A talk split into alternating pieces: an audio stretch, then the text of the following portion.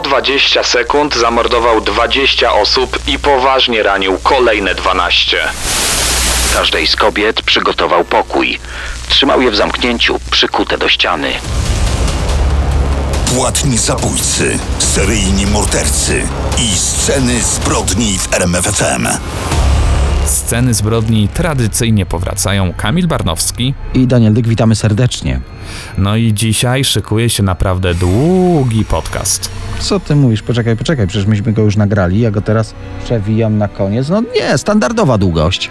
No nie o to chodzi. Dzisiaj będziemy mówić o najdłuższych wyrokach w historii. O to chodzi. Mam nadzieję, że ten podcast nie będzie się wam dłużył. Miłego słuchania. Daniel Dyk i Kamil Barnowski prezentują sceny zbrodni w RMFFM. W Polsce najdłuższy możliwy wyrok to zdaje się dożywocie, czyli granicą jest tutaj czas ludzkiego życia, no ale nie przekracza to na pewno 100 lat. A jak jest na świecie? Są kraje, w których kara jest znacznie większa. Najdłuższy wyrok w historii mógł przypaść listonoszowi z Hiszpanii za niedoręczenie, uwaga, 42 768 przesyłek. Prokuratura żądała kary 9 lat za każdą przesyłkę, co dawało 384 912 lat więzienia.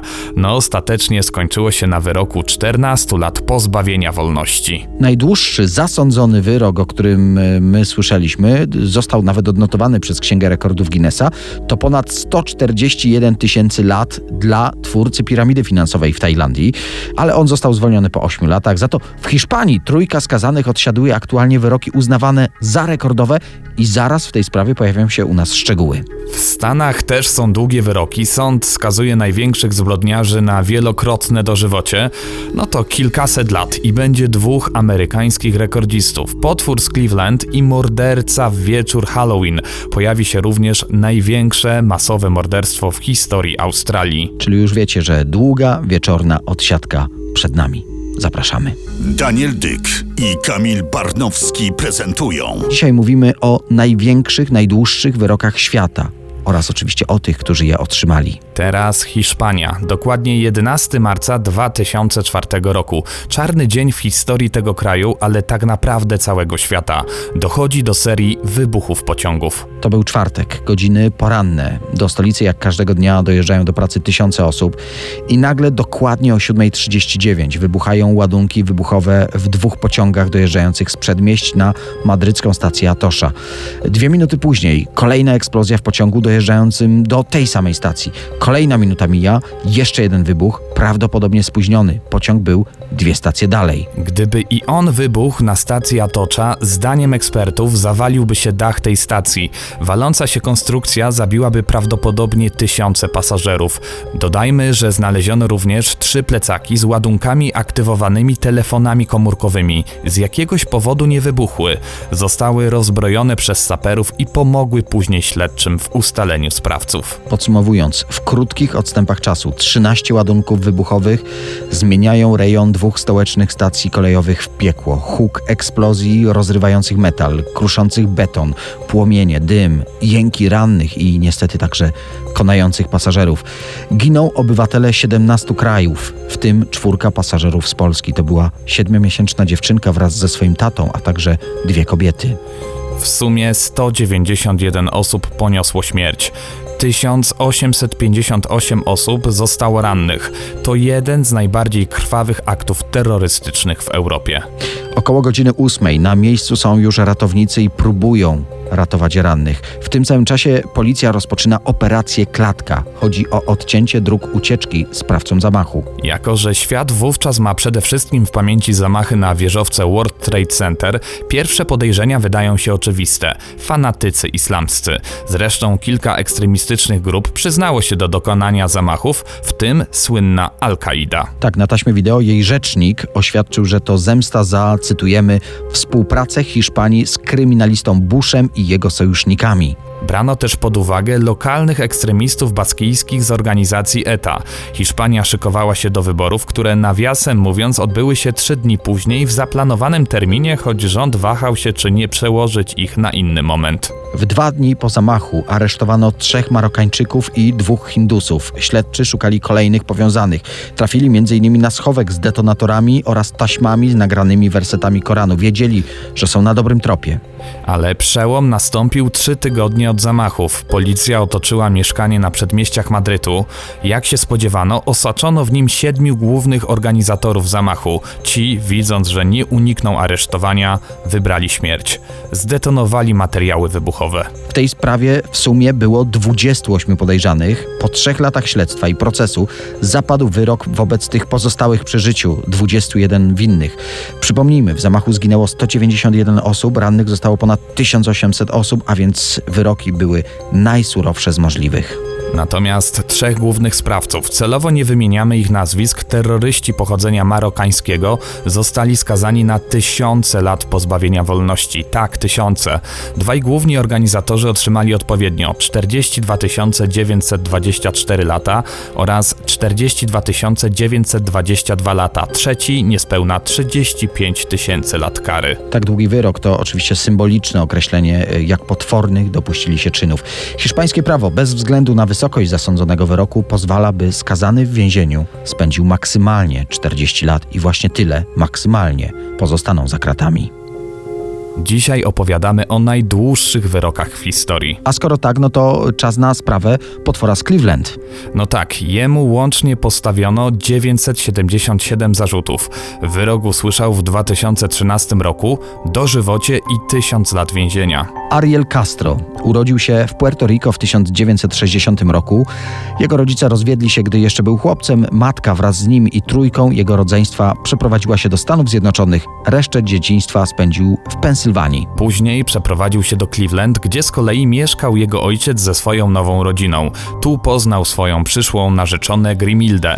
Zamieszkali razem w 92 roku i wtedy, jak twierdzi siostra Grimildy, Ariel rozpętał piekło. Stał się agresywny y, do tego stopnia, że mniej więcej rok później pobił bardzo dotkliwie swoją narzeczoną i zrzucił ją ze schodów. Rozbita czaszka, złamany nos, połamane żebra i połamane ręce. Także nieoperacyjny guz na mózgu. Ona wtedy jeszcze o tym nie wiedziała, ale guz był tykającą bombą, która odebrała jej życie dekadę później. I co niewyobrażalne, Ariel wyszedł z tego właściwie bez konsekwencji. Został aresztowany za przemoc w rodzinie, ale nie postawiono mu oskarżenia. Dodajmy, że być może dlatego czuł się bezkarny. Regularnie nękał swoją byłą partnerkę i ich wspólne dzieci, mimo że miał sądowy zakaz zbliżania się do rodziny. Castro pracował jako kierowca szkolnego autobusu i co chwila zdarzały mu się mm, tak zwane incydenty. Na przykład zostawił w autobusie dzieci, uczniów i szedł sobie na zakupy czy na obiad. Został oczywiście zwolniony z pracy, sąd za niezapłacone podatki przejął także jego dom, no i jego życie po prostu zaczynało przypominać równie pochyłą w dół. A jednak właśnie ten jego dom przy Seymour Avenue 2207 w Cleveland stał się miejscem kolejnych niewyobrażalnych okrucieństw. Dodajmy, że dziś tego domu nie ma, został zburzony, by zniknęła pamięć o tych bestialskich zbrodniach. No, nie możemy już dłużej odwlekać, musimy przejść do najbardziej dramatycznej części tej historii. 23 sierpnia 2002 roku zaginęła 21-letnia Michelle Knight. Wyszła z domu kuzynki, wtedy była widziana po raz ostatni.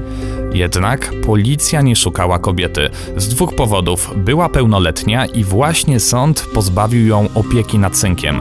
Uznano, że po prostu gdzieś wyjechała. Niespełna rok później, 21 kwietnia 2003 roku, dzień przed swoimi 17 urodzinami zaginęła Amanda Berry. Wychodząc z pracy w lokalnym fast foodzie około 20 jeszcze zdążyła zadzwonić do siostry, że jest w drodze, zaraz będzie. I w tym przypadku FBI uznało, że miała powód, by uciec z domu. Poszukiwania były, jakby to ująć, bardzo umiarkowanie zaawansowane. No, to się zmieniło, gdy tydzień po jej zaginięciu jakiś mężczyzna zadzwonił z jej komórki do matki Amandy. Usłyszała wtedy w słuchawce mam Amandę, nic jej nie jest, wróci do domu za kilka dni. Wspomnieliśmy o dwóch, ale była jeszcze trzecia. Gina de Jesus. Ona zaginęła w wieku 14 lat 2 kwietnia 2004 roku. Wracała z gimnazjum. Biały dzień, koło godziny 15 ją widziano. Dziewczyna, dodajmy, przyjaźniła się z córką Ariela Castro, o czym on miał nie wiedzieć. Dziewczyny chciały przenocować w jego domu, zadzwoniły po pozwolenie do mamy, ale ta pamiętając, jak jej były partner potrafi być agresywny, zabroniła tego kategorycznie dziewczynkom.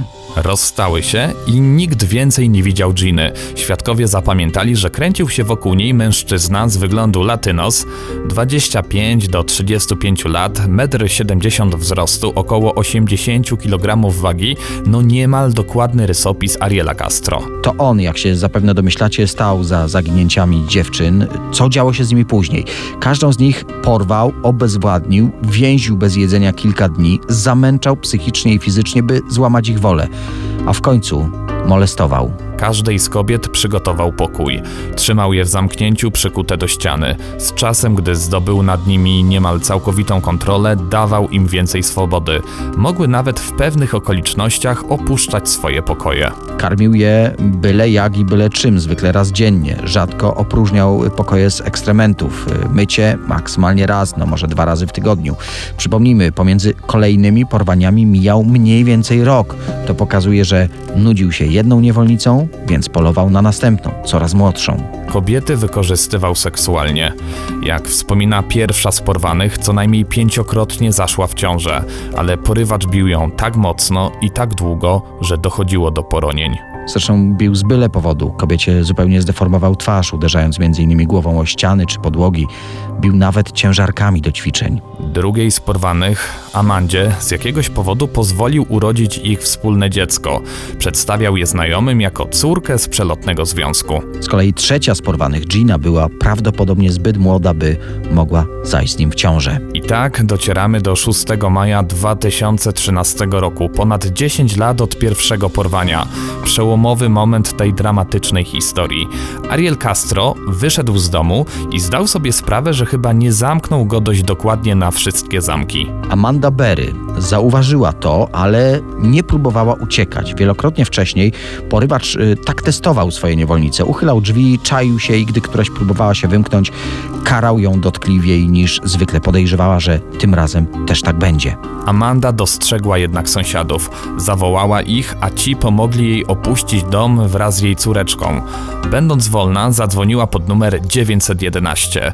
Dyspozytor usłyszał. Pomóż mi, nazywam się Amanda Berry. Zostałam porwana. Zaginęłam 10 lat temu. Policjanci uwolnili pozostałe dwie kobiety. Wszystkie trafiły pod opiekę medyczną. Castro przyznał się do tych porwań, do gwałtów, do tortur, ale nie przyznał się do porwania jeszcze jednej dziewczyny.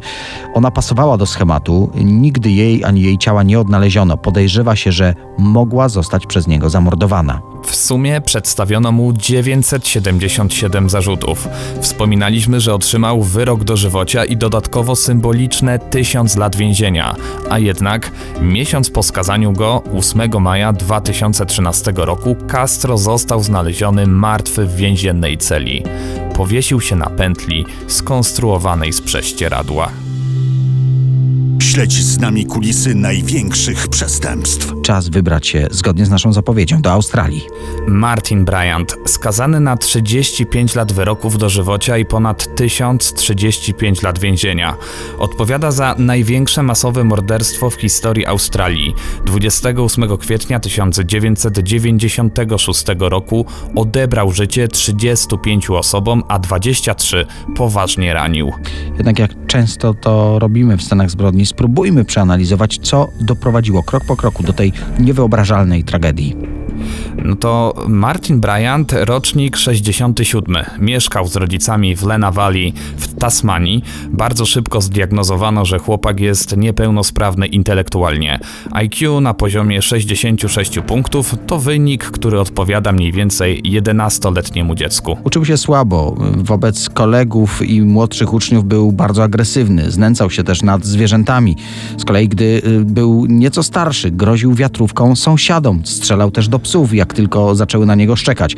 W 1983 roku, zanim skończył 16 lat, porzucił szkołę, przyznano mu wtedy rentę inwalidzką. Zajmował się dorywczymi pracami, jakaś pielęgnacja ogrodów, tu gdzieś koszenie trawników. Właśnie w taki sposób poznał Helen Harvey, 54-letnią dziedziczkę fortuny z wygranej na loterii. 19-letni Martin w rezydencji kobiety był kimś w rodzaju złotej rączki. Para zaprzyjaźniła się w końcu i ostatecznie zamieszkali razem po śmierci matki Helen. Wtedy rozpoczął się prawdziwy złoty sen Martina Bryanta. Wydawali pieniądze na co tylko mieli ochotę. Y, Dam przykład. W 3 lata zakupili ponad 30 nowych samochodów.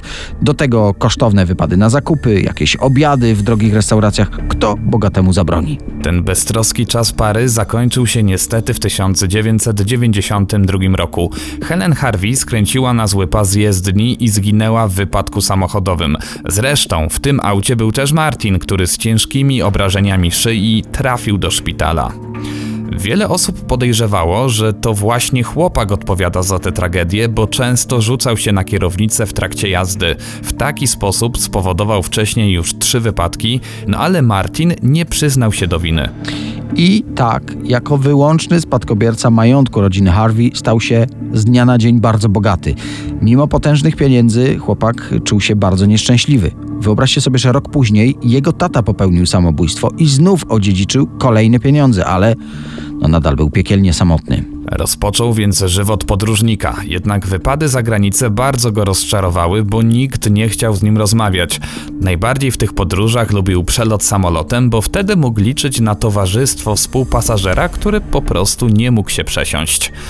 Popadał w alkoholizm, miał myśli samobójcze i był wściekły na cały świat. Ciągle powtarzał: Chcę tylko, żeby ludzie mnie lubili. To było powodem jego złości. Nie rozumiał, dlaczego wszyscy się od niego odsuwają. Uważał, że jest to bardzo niesprawiedliwe. No i właśnie tak docieramy do 28 kwietnia 1996 roku. Dzień największej masakry w historii Australii. Martin Bryant planował ten dzień od wielu tygodni. Zaznaczył nawet tę datę w kalendarzu. Ustawił budzik na szóstą, wziął prysznic, zjadł śniadanie, wypił trochę alkoholu i o 9.47 wyszedł z domu ze sportową torbą. Pojechał swoim żółtym Volvo do motelu w Seascape Cottage, miejsce, które kiedyś nieskutecznie próbował kupić jego ojciec. Około 12 zastrzelił małżeństwo, właścicieli tej posiadłości, oskarżał ich o depresję i ostatecznie o śmierć jego własnego ojca. Następnie wyruszył na obiad do Port Arthur. To zabytkowe miejsce, dawna kolonia karna, przekształcona na lokalną atrakcję turystyczną. Dotarł tam o 13.10. Zjadł, a po skończonym posiłku, jakby nigdy nic, wyciągnął ze swojej torby karabin Colt AR-15 i rozpoczęło się prawdziwe piekło. Strzelał do wszystkich w kawiarni. Stał zaraz obok wyjścia, dlatego nie było żadnej drogi ucieczki. Poszedł w kierunku sklepiku z pamiątkami, zmienił magazynek i strzelał dalej. W 120 sekund zamordował 20 osób. Poważnie ranił kolejne 12. Następnie wyszedł na zewnątrz i nadal strzelał, tym razem do uciekających turystów kryjących się w zaparkowanych autobusach w okolicznych budowlach. W pewnym momencie zmienił broń na samoładujący karabin L1A1. Martin dosłownie polował nim na ludzi. A odjeżdżając z miejsca rzezi, radośnie machał rękoma i trąbił klaksonem. Jednak morderczy szał Martina trwał nadal. Zabił kobietę idącą poboczem i jej dwójkę dzieci, czterech pasażerów BMW, które później ukradł. Na stacji benzynowej zatrzymał się obok pary. Kobietę zamordował, a mężczyznę wziął za zakładnika. Ostatecznie wrócił do motelu w Seascape Cottage, gdzie rozpoczął się cały ten koszmar. Budynek otoczyła policja. Negocjacje z szaleńcem nie przyniosły żadnego rezultatu. 29 kwietnia podpalił budynek z zakładnikiem w środku. Martin Bryant próbował wykorzystać do ucieczki to całe zamieszanie związane z pożarem. Na szczęście został złapany i z poważnymi poparzeniami trafił do szpitala.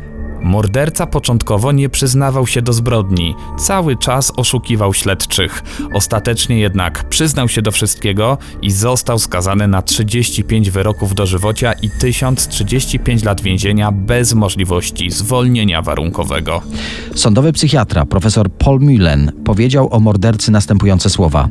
To ktoś, kto uznał, że jedyny sposób, w jaki może być kimkolwiek, to zemsta na świecie i zabicie bezbronnych i niewinnych osób.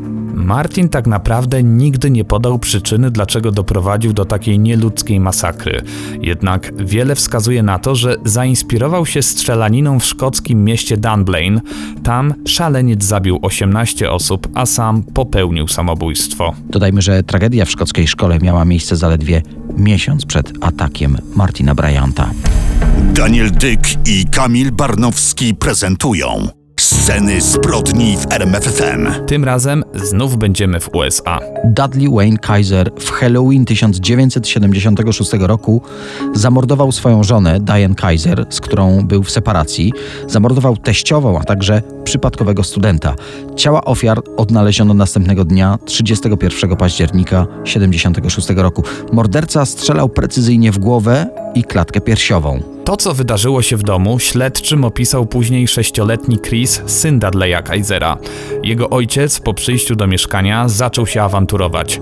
W pewnym momencie wyciągnął broń schowaną za paskiem, gdy teściowa sięgnęła po telefon. Najprawdopodobniej chciała zadzwonić na policję. W tym momencie matka Chrisa kazała chłopakowi uciekać i wtedy padły strzały. Dudley Kaiser chciał po wszystkim popełnić samobójstwo, ale wyobraźcie sobie, zaciął się jego pistolet. Mężczyzna został złapany przez policję i w 1977 roku został skazany za potrójne morderstwo na karę śmierci. Wyrok miał być wykonany na krześle elektrycznym, jednak gdy oczekiwał na egzekucję, stan Alabama zawiesił karę śmierci.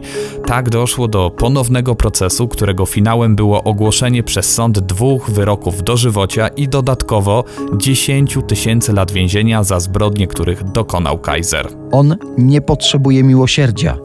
Nie okazał litości dla popełnionych morderstw. W tej sprawie czas już dawno okazał litość Wayne'owi Kaiserowi. To słowa prokuratora, które przekazał ławie przysięgłych. Według lokalnej prasy w więzieniu Kaiser zmienił się zupełnie. Stał się głęboko wierzący i podobno bardzo dręczą go teraz wyrzuty sumienia. Znalazłem też informację, że w dzieciństwie był zamieszany w śmierć swojego kolegi. Słuchajcie, podczas gry w baseball uderzył go piłką w głowę. Uderzenie było tak mocne, że spowodowało pęknięcie czaszki i w rezultacie śmierć chłopca następnego dnia.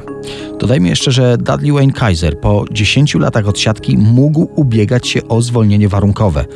Próbował wielokrotnie, jednak wszystkie dotychczasowe wnioski zostały odrzucone.